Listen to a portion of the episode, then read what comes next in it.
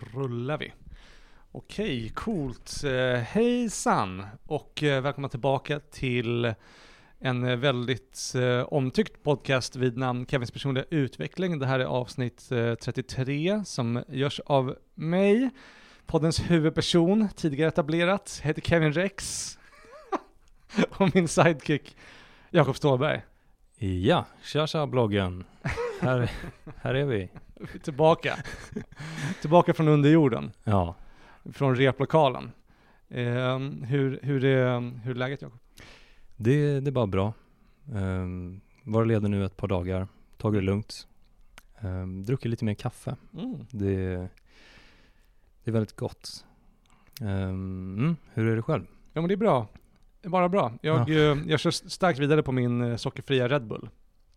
Ja, Här borta. okej, vad- jag har gjort vad det till nice. en, eh, en viss vana. Mm. Nu när jag eh, var så himla inne i att köra mycket stand-up och sådär. Nu i, eh, nu i höstas. Ehm, och samtidigt, ja, innan det jobbade jag och nu eh, går jag i skolan. Så det var ganska skönt att bara dra i sig en sockerfri Red Bull. Innan man går upp på scen. Ja. Och, och sen tog jag in den i podden och sen häromveckan så insåg jag att jag kan inte dricka en sockerfri Red Bull om dagen.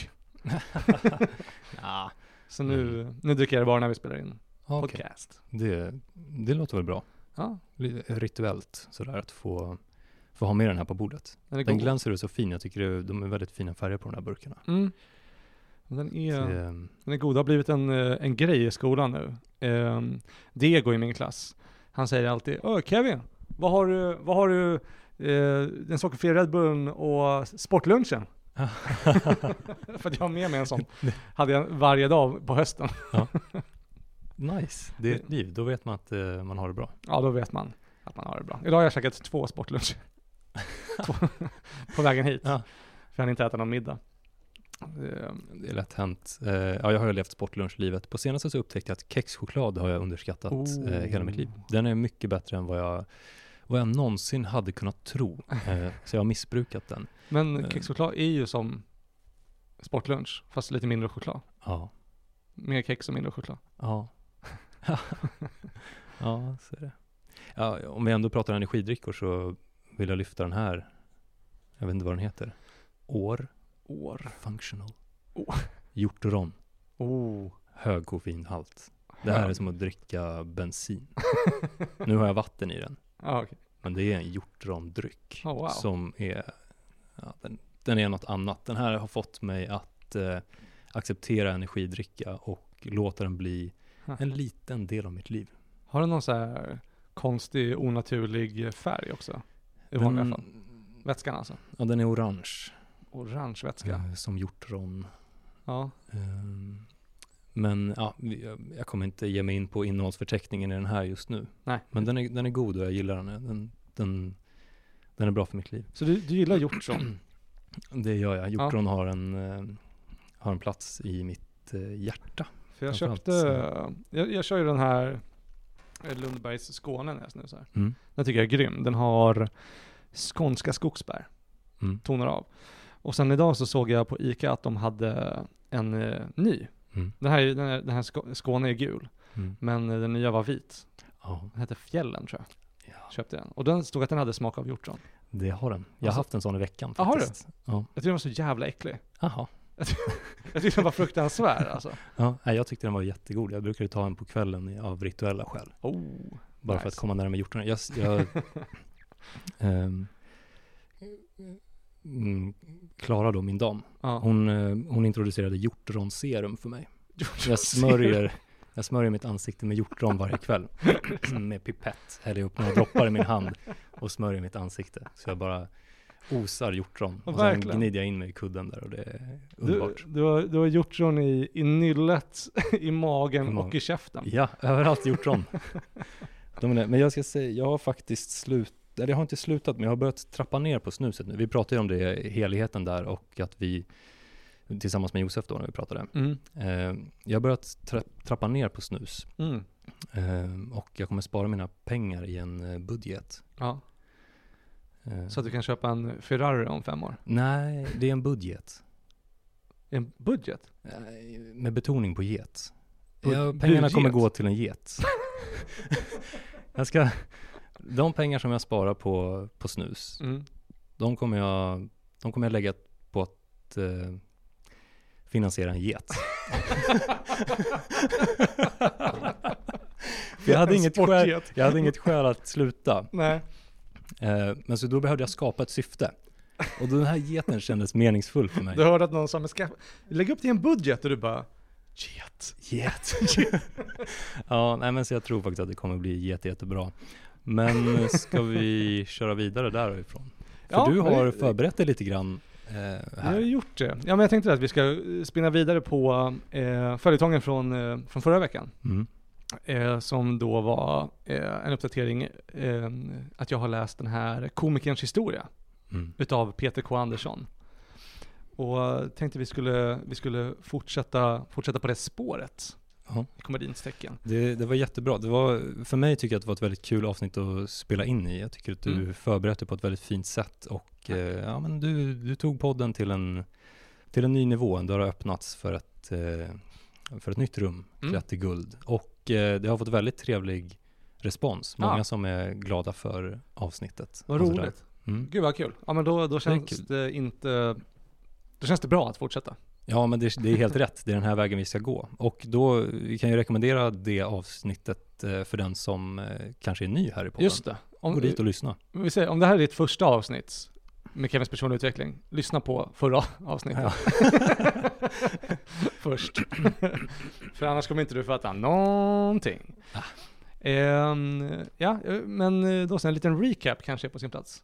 Ja, absolut. En snabb bara. Eh, att vi, eh, ja men vi tog utgångspunkt från komikerns historia, utav Peter K. Andersson, pratade lite om eh, olika narrar och eh, eh, hovnarrar, eh, vissa typer av railers, som är någon typ av förgestalt till stand-up-komiker och sådär, ända bort ifrån 1400-talet och in i, eh, vad var vi inne i? 1600-1700-talet där någonstans var vi inne i med Marie Barbola den, eh, den hovdvärgen som har lagt grunden för komiker som eh, Louis CK bland annat. Mm. Och sådär. Hade du någon Ja. favoritdel del från förra? Eller någon som stack ut för dig? Någon karaktär? Mm, ja, jag gillade han den där, eh, vad hette han? Charles eh, Carlos. Carlos Tester. Carlos Tester tyckte jag väldigt mycket om. Eh, Ja. Just att, för det var han som var väldigt vulgär och förknippades med en toalett. För Ja, att han exakt. var lite lik det man gör på en toalett. Ja, om jag min, om jag han minns snackade mycket skit.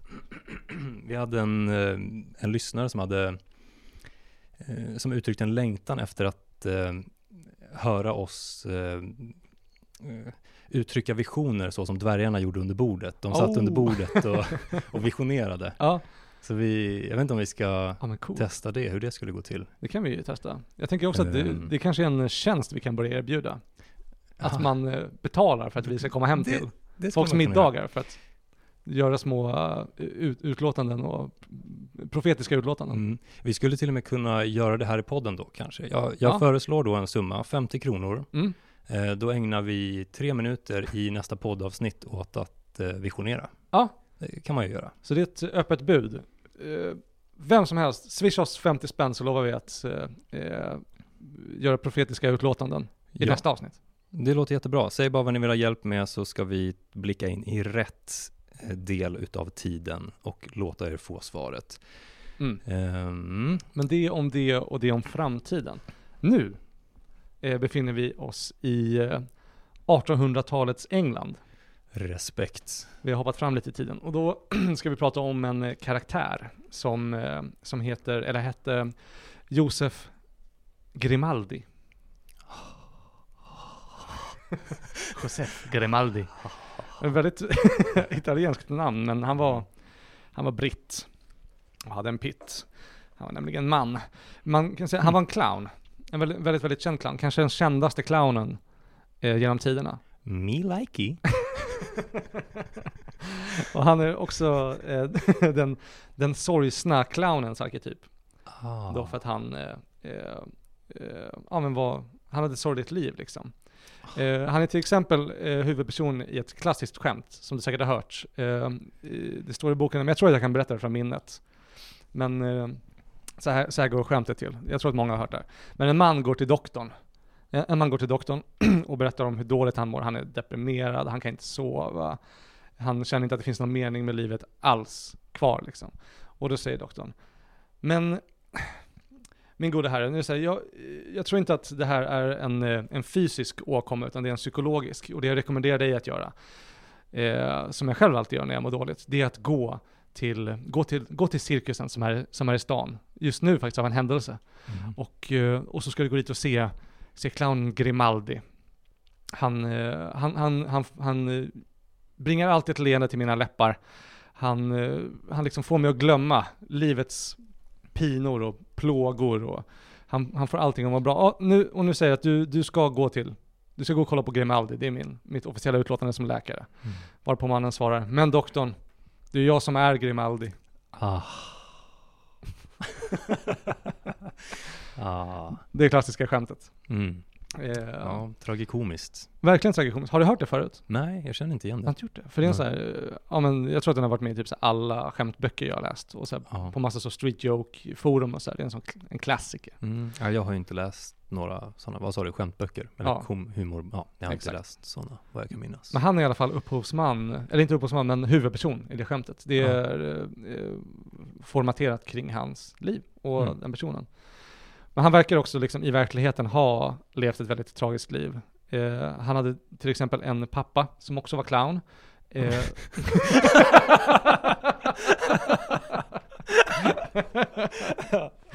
och bara det, bara där.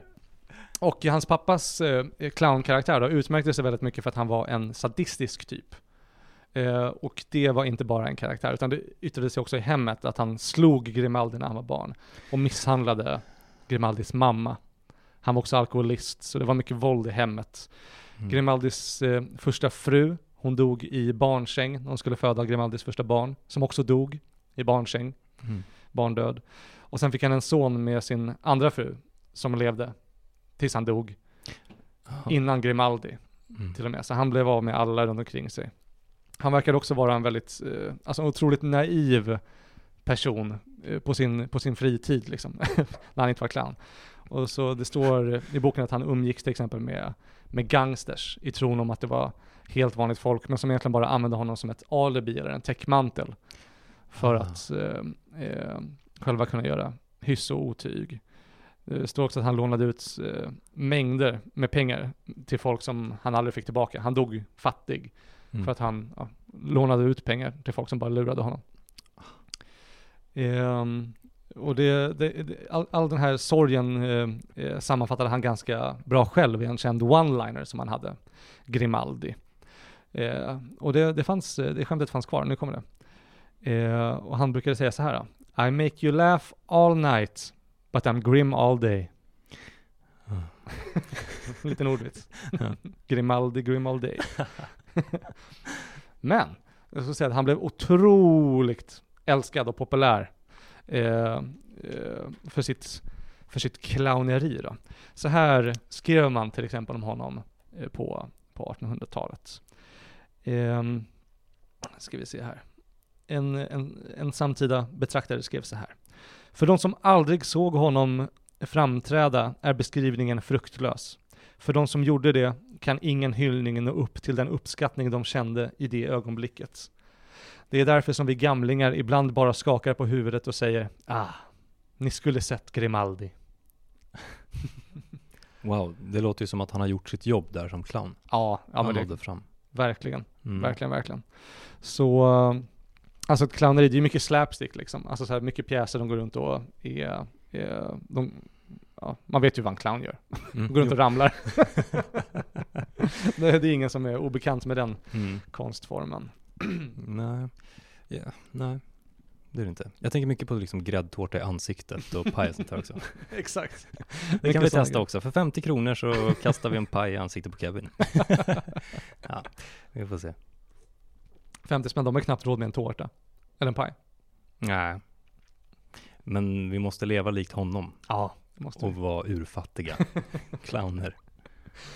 Om, om, om, om jag önskar. Jag vill att det ska bli så. Men ja, han, eh, han dansade, han gjorde gymnastik och hans nummer blev otroligt, otroligt älskade. Och han nådde ju väldigt stor berömmelse då också. Han var den största clownen i sin tid. Och efteråt. Eh, det finns till exempel en, eh, där, han begravdes, den kyrkogården han begravdes på, gjordes om till en park. Men hans grav var den enda som, som de inte tog bort. Den enda som Mm. finns kvar, den parken. Och den är också uppkallad efter honom. Mm. Det finns i London tror jag, någonstans. Eh, eh, om man ska säga att han, eh, anled- anledningen till att man tar upp honom också, utöver hans stora berömmelse och så, det är också att han, han går liksom till historien som den första moderna clownen just för att han var den första som skapade en komisk persona. Han hade en sammanhängande persona som han hela tiden gjo- gjorde uttryck för. Liksom. Man kunde se ett clowneri och säga det där är en Grimaldi. Mm. Liksom. Han hade väldigt, eh, eh, väldigt eh, karaktäristiskt uttryck som clown. Mm. Och det, det står i boken att han kombinerade en klassisk clownroll med en, med en underdog-roll som publiken kunde identifiera sig med. Och det var det som gjorde att han gick hem så himla mycket då. Men eh, vid 40 års, ålder, 40 års ålder redan så började han få problem med kroppen då, för att han dansar så mycket. och slänger med kroppen. Eh, Han kollapsar under ett, eh, under ett nummer, går till doktorn. Doktorn säger att han lider av för tidig ålderdom som ett resultat på, av kroppens slitningar efter alla otaliga nummer han har utfört. Mm. Han eh, gör dock en, en, han bjuder upp till en sista show eh, innan han pensionerar sig. Och den showen kommer tusentals människor till cirkustältet. Och det, som, den slutar med att eh, hela liksom, cirkuspubliken efter showen, de, bara, de, följer honom, de följer droskan hem efter showen. det blir en stor parad genom Londons gator Wow. för att de vill bara visa sin uppskattning för Grimaldi. Mm.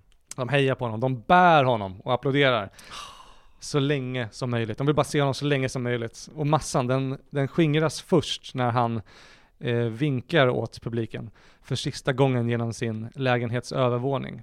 Och kan då till sist dra för gardinerna.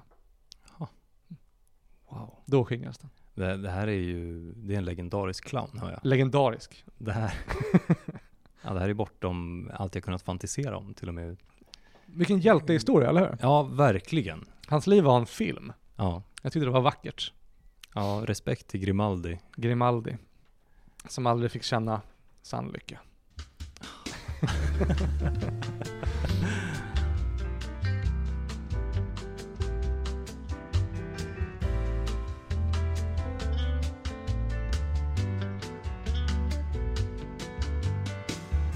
Ja, där har vi en karaktär. Och det, eh, det för oss raskt vidare då till, eh, till nästa clown.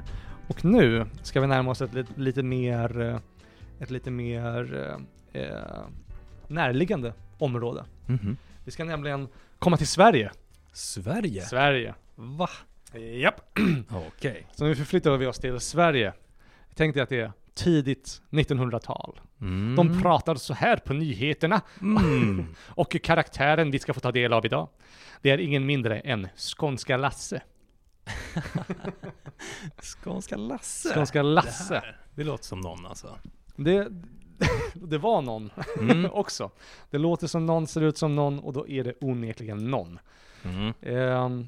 Men jag tar upp honom just för att det, det var ganska intressant. Det kommer bli ganska mycket om Skånska Lasse nu. Det fanns mycket att berätta. Jag tyckte också att det var intressant just för att vi kommer också få ta del av en del, eh, en del svensk historia som utspelar sig på den här tiden. Jag tänkte att det var tämligen extra intressant just för att vi är svenskar. Då. Mm. Så enkelt så. Mm. Ja men det här är väl första gången du tar oss till Sverige i Mm. den här berättelsen. Ja, det har Ja. varit mycket i Europa. ehm, har det varit. Mycket fransmän.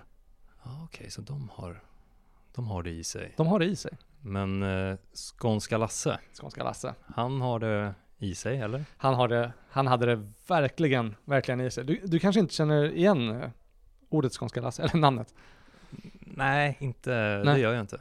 Han är ju, han, om man har koll på då, alltså svensk underhållningsformer och sånt så är han tydligen ganska känd och väldigt stor. Han var den största, eh, eh, alltså, jag tror att, Tage Danielsson du vet, Mm. han har gjort någon, eh, eh, sjungit en visa eh, som är Skånska Lasses till exempel. Mm. Så hans, eh, Skånska Lasses arv lever vidare in till våra dagar.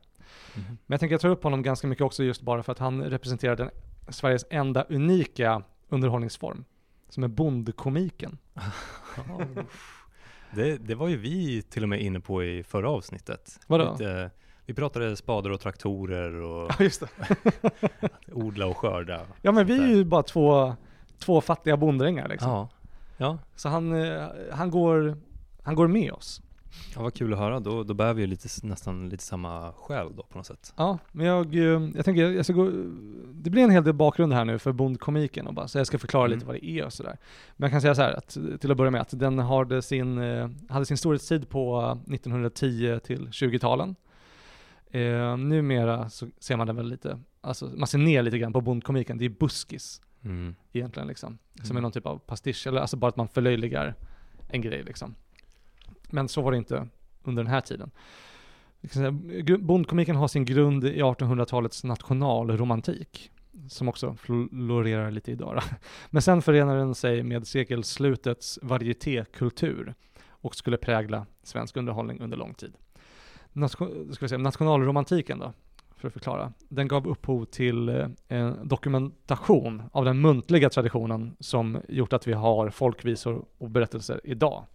Då liksom, så det började med att man bara berättade eh, historier runt, runt lägerelden. Men sen i och med nationalromantiken så började man dokumentera det istället. Mm. Och den svenska varietén, den växte fram ur äldre tiders eh, gatusångare i takt med att populärkulturen urbaniserades. Och alltså industrialisering och urbanisering, alltså att storstäderna växer.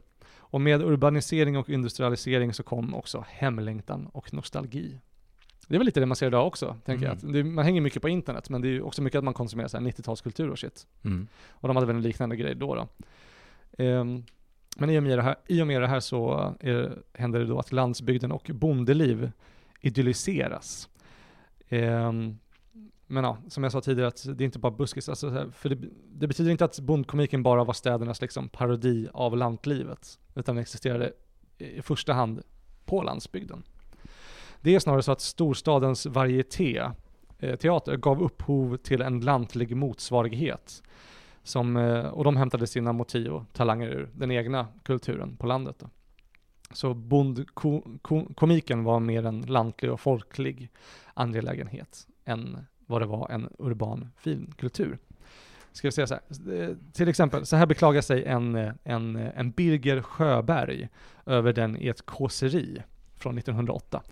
Vet du vad ett kåseri är för något? Mm, Berätta. Det är, alltså det är bara en artikel liksom, som man skriver i, i nyheter och tidningar.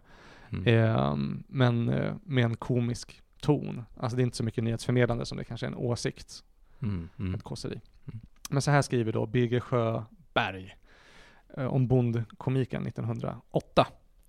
Jag ska läsa den som jag tänker att Birger Sjöberg pratade. Det är nu så allmänt känt i landet att dragspelen haft en skamfilande verkan på våra ädelstenar inom tonkonstens område.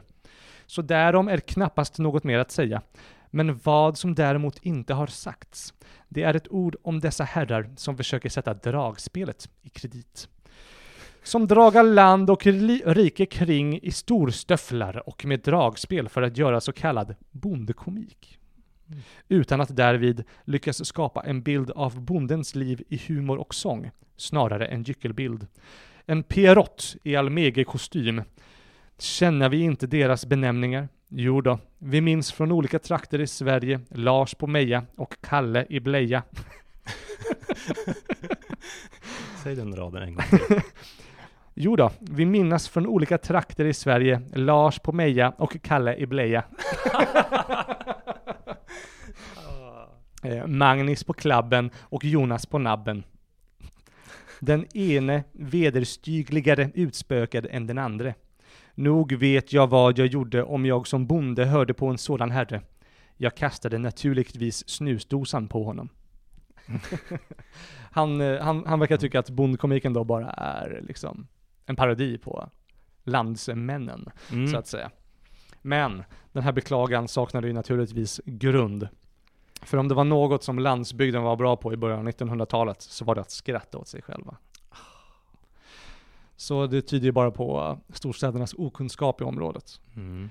Dagens motsvarighet då skulle man ju kunna eh, kalla, eh, eller kunna vara white trash Ah. människor liksom. Ja. Och de utgör ju själva, så att säga, alltså majoriteten är en publik som driver med white trash. Alltså white trash humor går ju hem hos white trash-människor. Mm. Jag börjar tänka på en, kom- en stand-up-komiker som heter Theo Vaughn. Vet du vem det är?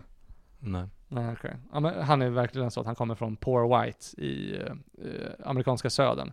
Och nästan alla som gillar honom är poor white från amerikanska södern. Okej. Han pratar mycket om det liksom. Ja. Men allt detta driver oss vidare till berättelsens huvudperson. Är du redo? Ta mig med. Tänk dig. Utanför Trelleborg i södra Skåne så ligger byn Gylle. Eller Gylle, jag inte hur det uttalas. Mm. I Gylle var under sent 1800-tal Hans Larsson byns klockare. Och med sin första fru så fick Larsson fem barn, som alla dog i tidig ålder tillsammans med frun som dog i barnsträng. Så skiter de. skiter de. Ja. Men Larssons andra fru, som var, eh, som var hans första frus syster. Det var tydligen inte Mm. ovanligt att man gjorde så. Nej, okej. Tog bara nästa. Hon fick också fem barn. Ja. Två av dem dog Ja. så skiter de. Ja. Men år 1880 så föddes Larssons nionde barn av tio. Ah. Theodor. Vår hjälte. Den här historiens hjälte. Okej, Theodor då. Omkring 1895 så sattes Theodor i snickarlära i Svedala, Simrishamn och Malmö.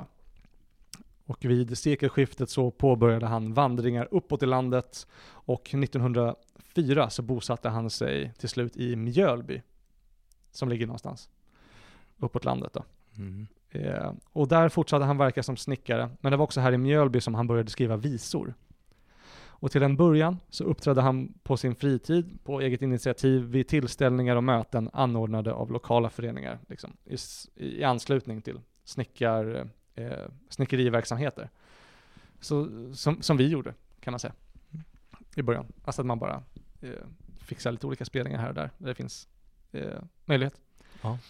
Och på hans arbete då så hade man börjat kalla honom för Lasse. Och för att utmärka sig ytterligare eh, som artist så började han kalla sig för Skånska Lasse. En hjälte är född. Ja. Ska vi se. Hans eh, artistkarriär eh, påbörjades i en, eh, en, en händelserik tid i svensk historia. Eh, för det var så att folkparksrörelsen eh, har börjat etablera sig här kring sekelskiftet. Folkparksrörelsen. Ja, Hej! som vi alla känner till. Ja.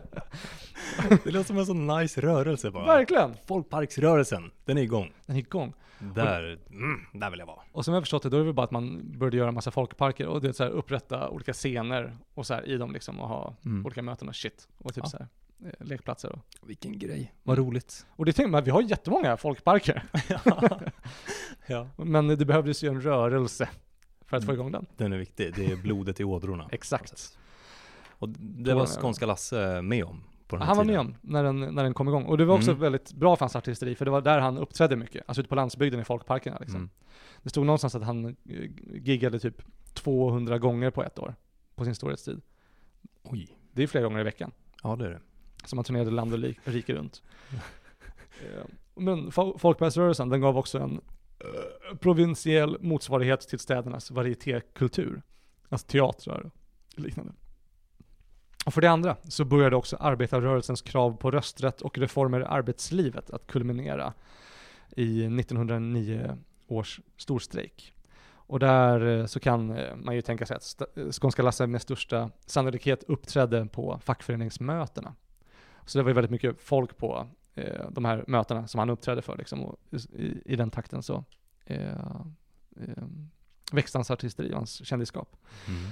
Ska säga. Hans, hans eh, tidiga eh, texter, de är satiriska kommentarer på tidens politiska stämning och kunde låta ungefär så här. Och nu tänkte jag, Jakob, Mm. eh, be dig att eh, sjunga en av Skånska Lasses trudelutter. Aha, jaha okej. Ska vi- Ja, vi, Ska det kännas okej? mm, ja, vilken ära. Eh, ja, jag hoppas att jag ska kunna göra det här på ett, eh, ja, ja men vi kör. Ja. Vi kör. Så här, så här kunde de låta ungefär. Det, det är här, här börjar den.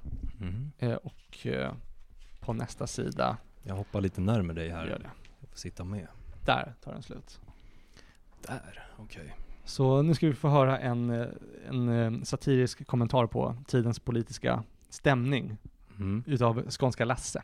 Okej. Så det får vi bara improvisera melodier. Ja. Jag vet inte vad ett ord jag har framför mig här men Så det är bara, det är bara, det är bara att köra igång när du känner dig redo. Han skrev alltså en valvisa som försiktigt kritiserar den begränsade rösträtten. Val? Riksdagsval står på tapeten. Då hamnar hyggligt folk så ofta ute i kleten om kandidaterna man pratar och om lämpligheten. Han är socialist sa en, det är han visst sa en och dra åt Häckelfjäll. Han är grå sa en röder, han är röd som själve Schröder sa en guling till en fuling. Men sanningen är väl hur man frir och vränger, det är på färgen, ja på färgen som det hänger om han är svart. Om han är grå, om han är röd, och om han är blå. Nice! Där satt den! Där fan satt den!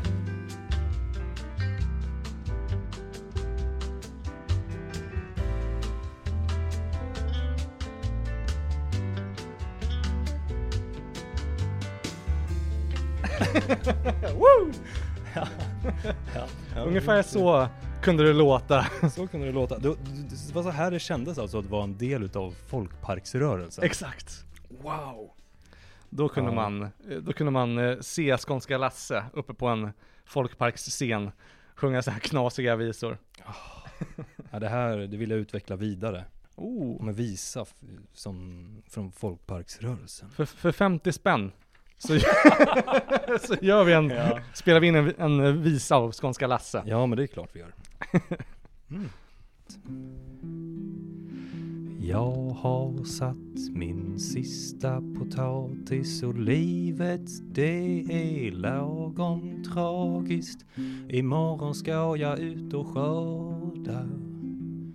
Och det ska bli så bra lördag. För då så ska jag mata min familj med potatis och lite lakrits för det är den bästa kryddan jag har på min mat.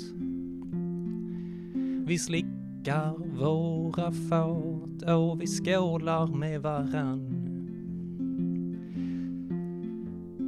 Jag har alltid mjölk i mitt glas. Det är det bästa jag vet.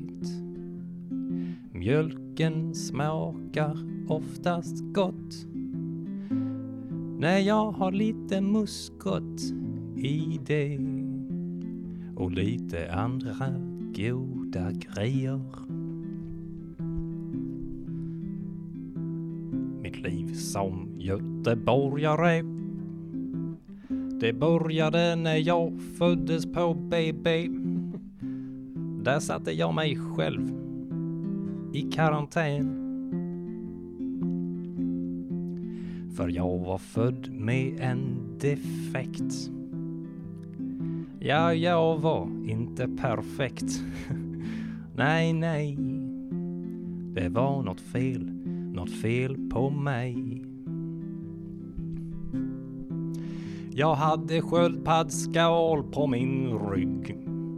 Min mamma blev grinig och otrygg när hon såg mig. När hon såg mig bli till. Hon fick ett minne ifrån Thailand. Hur hon pillade på en sköldpadda. Det var fullmåne och folket var på fest.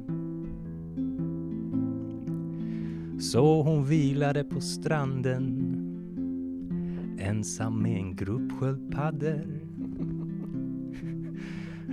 Och någonting hände då. Något som hon säger att hon inte kommer ihåg. Men någonting hände. Ja, någonting hände. Men det var inte bara mig det var fel på där på BB. För förlossningen i sig var inte heller så trevlig. För min mamma hon pumpa ut ägg 300 små sköldpaddsägg som bara spruta ut rakt ner i kuvösen. Så nu lever jag med 300 sköldpaddssyskon 200 bröder och 100 systrar och vi alla har människokroppar fast med sköldpaddsskal. Det är mitt liv, det är mitt liv. Det är vårt sköldpadds paddi paddilid som vi lever och vi har det så bra. Det är vårt liv vårt lilla sköldpaddiga, paddiga, paddiga lid. Ande sköldpaddlidande. Vi passar inte in på dagis. De säger att man inte får ha skalis. Men jag vill inte ta av mig skaliset, för det tillhör mig. Så vi går i skolan på en strand och samhället passar inte en sköldpaddsman. Så jag och mina syskon väntar på färjan från Nynäshamn. För vi ska åka ut och lämna land. För det är över nu. Ja, det är över nu. Ja, det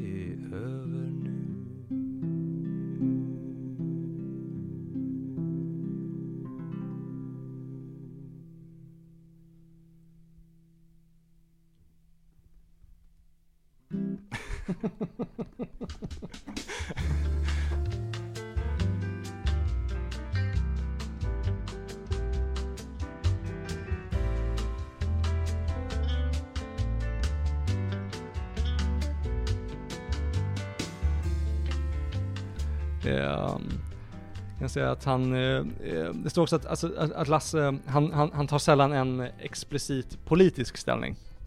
Mm. Men han blev stämd av en kronolänsman, tydligen.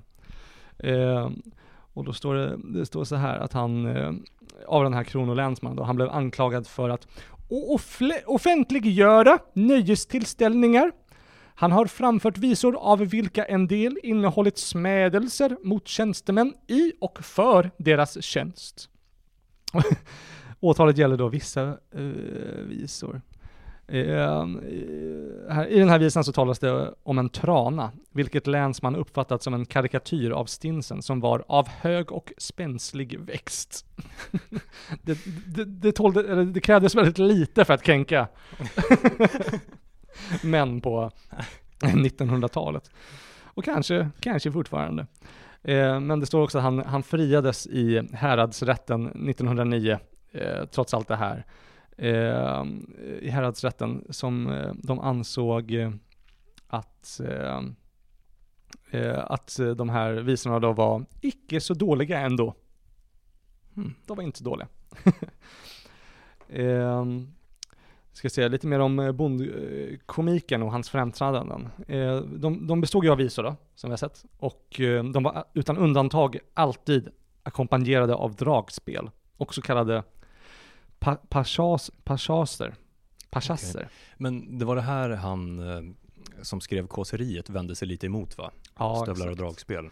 exakt. Ja. Han tyckte att det var förlöjligande u- utav bönderna, men bönderna tyckte att, om det jättemycket. Ja. såg väl ut så. eh, men ja, exakt det var det han vände sig emot, eller det han använde som argument för Mm. att eh, eh, dra ner det. Eh, men alltså, pa, eh, passa, Pachas, pa, pa, passage, jag kan inte ens uttala det.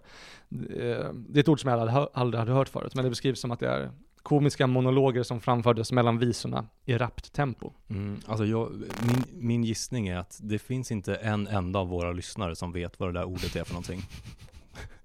Så det spelar ingen roll. Men Nej. om man eh, hör av sig och vet vad det är, Ja.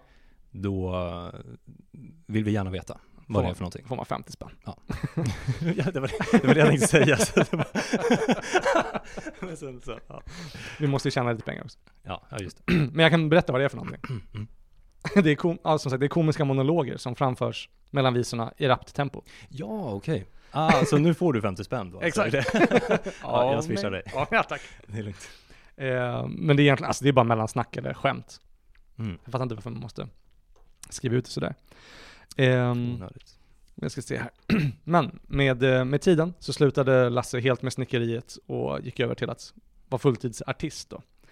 Och i takt med Lasses framgång eh, från lokalkändis till riksartist så började han kommentera samtiden ur ett större perspektiv. Mm. Och då, han gör det genom att han driver med landsbygdsbefolkningens eh, oförstånd inför nymodigheter som kommer den här tiden. Ja. Men också nymodigheternas opolitlighet. Så han eh, gav en stövel åt, åt båda, Mm. som en, eh, som en sann, sann komiker ska. Tycker jag. I en, I en visa till exempel så är det en man som eh, köper en motorcykel. Men hans eh, fru gillar inte röken från motorn, så han får spänna fast motorcykeln vid en häst och så att den bara blir ett släp med sidovagn istället. Ehm, avslutningsvis då, så kan jag väl eh, säga så här mycket. Att eh, eh, det, alltså det är ju buskis alltihop liksom. Och idag använd, används ordet buskis synonymt med, eh, med bondkomik och eh, traditionen behandlas ofta nedlåtande av storstadsmedierna än i vår tid. Mm. Men i själva verket är det den enda inhemska svenska komikgenren. Mhm. Så skriver Peter K. Andersson. Så det kanske är dags att vi börjar omvärdera den. Ah. Liten tankeställare där. Ja, okej, nu börjar jag förstå. Han har en agenda med den här boken. Han har det. Det är att återuppliva buskisens rykte. Där kommer det fram. Vilken sida var det på? 214. Där, då har han lurat in dig. 214 sidor in, så bara, mm, jag ska nog tänka om. Buskis. Jag respekterar det. Nu respekterar jag ändå. Och- Men faktiskt, gummistövlar och dragspel är ju kul. Ja, Det och det här är ju liksom eh, det stället som, som klassiker som Jag är en fattig bonddräng och jag lever ändå. Exakt. Ja, Det, är det, där, det kommer ju därifrån. men jag tänker du och jag Kevin, vi köpte ju ett dragspel tillsammans. Ja, just det. För en biobiljett som du hade i din plånbok. Just det. Av min granne som stod och rensade förrådet. Ja, Hon frågade oss om vi ville ha det. Vi ångrade oss, eller vi ångrade oss inte, men man Hon- såg att hon ångrade sig när hon förstod att hon gett bort ett dragspel för en biobiljett. ja. ångrar sig bittert. Hon ville göra en god gärning, men hon fick inte känna på generositetens sötma. Men jag tror det var Men- när hon såg hur, hur, alltså att, hur chockad vi var. att hon inte ville ha mer än liksom en biobiljett för den. Ja. För hon, hon stod ju där i, ditt förråd Mm. och hon bara, "Åh, är ni musiker? Jag har ju ett dragspel som jag köpte till min son, som han aldrig använder. Vill ni ha den? Typ. vi bara, ja jag har en biobiljett. Hon bara, ja men Mm. absolut, det går jätte, jättebra. Vi bara, va? är, du, är du seriös? Bara, lätt! Lätt! Ge oss den nu innan du hinner ångra dig. Hon såg bara på med upps, uppspärrade ögon. Nej, så var det. Jag hade en hundring bara i plånboken. Hon Ja, sa, det är lugnt. Jag bara, va? Är du seriös? Jag bara, ta den här biobiljetten också. Ah, okej. Ta den också bara så här. det är det minsta liksom. Mm. Och då förstod hon vilken dålig affär hon hade gjort. Det låg ju till och med ett kvitto i, i, i, i, Ja men i caset. i caset, Ja. exakt. Det stod att den liksom hade köpts för 5000 spänn. Ja, det var, det var pengar i det där dragspelet. Ja. Men det kommer ju till användning. Eh, Du och jag gjorde ju en låt, om du, jag vet inte om du kommer ihåg. Den kanske hade passat till folk, folkparksrörelsen. ja. Säger, jag heter Jakob och jag, Jag heter Kevin. Kevin. Vi spelar dragspel och vi älskar tennis. La La la la la la, la, la la la la, la la la la, la la. Så gick den. Vi kanske kan Mm. klippa in den här om du har den. Det skulle vi nog kunna göra kanske. Kanske lägga upp på Instagram också inom kort. Jag har filmer från när vi spelar in den. det. Det var, det var en speciell del utav vår musikerkarriär. Ja. Minst sagt speciell. Och den gick ju i bondkomikens tecken. Mm. Det vi inte förstod då som vi förstår nu, det var Mm. att vi, eh, vi, vi, vi framförde en, liksom, en, en, en, en, en traditionell svensk, vi förde ett arv vidare. Ja. Det, Wow. Vilka det- hjältar vi är. det kom liksom naturligt inifrån, Ja, från den svenska själen. från den svenska var den folksjälen. uttryckte sig. Ja. Exakt. Från den svenska folkparkssjälen. Ja, just det. Men la inte jag in, nej just det, jag la in en låt i något avsnitt som hette Haninges folkdansfestival. Ja, just det. Det lite liknande. Du ser, vi har det i vi har oss. det verkligen i oss. Det, Det är vi och Skånska Lasse. mm, ja, vi kanske klipper in lite utav båda här. Lite dragspelsmusik från dig och mig och så kanske kastar in den här Haninges folkdansfestival i slutet bara för att eh, den ska få vara med. Ja. Ehm, men ja, det är väl så långt vi kommer den här gången, Ja, tänker jag, i följetongen. Jag eh, hoppas att det har varit till nöje och eh, att det har varit underhållande. Och så bär vi väl vidare den här eh, facklan i nästa, eh, nästa avsnitt. Ja, det kommer mer. Tack ännu en gång Kevin för att du tog oss med på den här historiska resan. Såklart, det var mitt, det var mitt nöje att dela med mig av eh, eh, så här roliga karaktärer och Ja. information från historien. Nöjet är delat. Vi, vi tackar dig. Tack, tack. Eh, och så hoppas jag här att det börjar komma in ett dragspel, lite pannas in i, eh, i lyssnarnas öron. Och eh, med det sagt så vill jag säga tack för att ni har lyssnat eh, så himla mycket och vi hörs igen nästa vecka. Tack. Hej hej! Hej.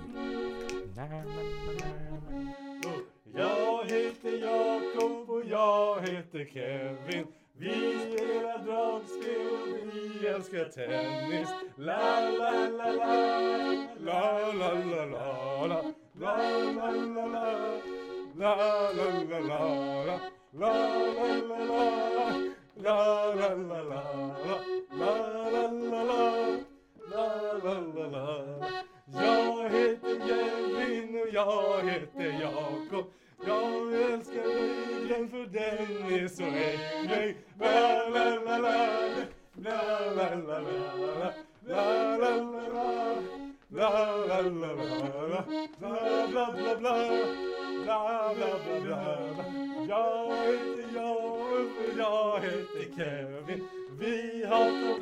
världen för den är så äcklig. Ja, den är Världen är äcklig. Världen är äcklig. Och jag heter Kevin.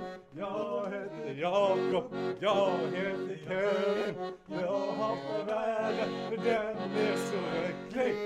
Hey, hey.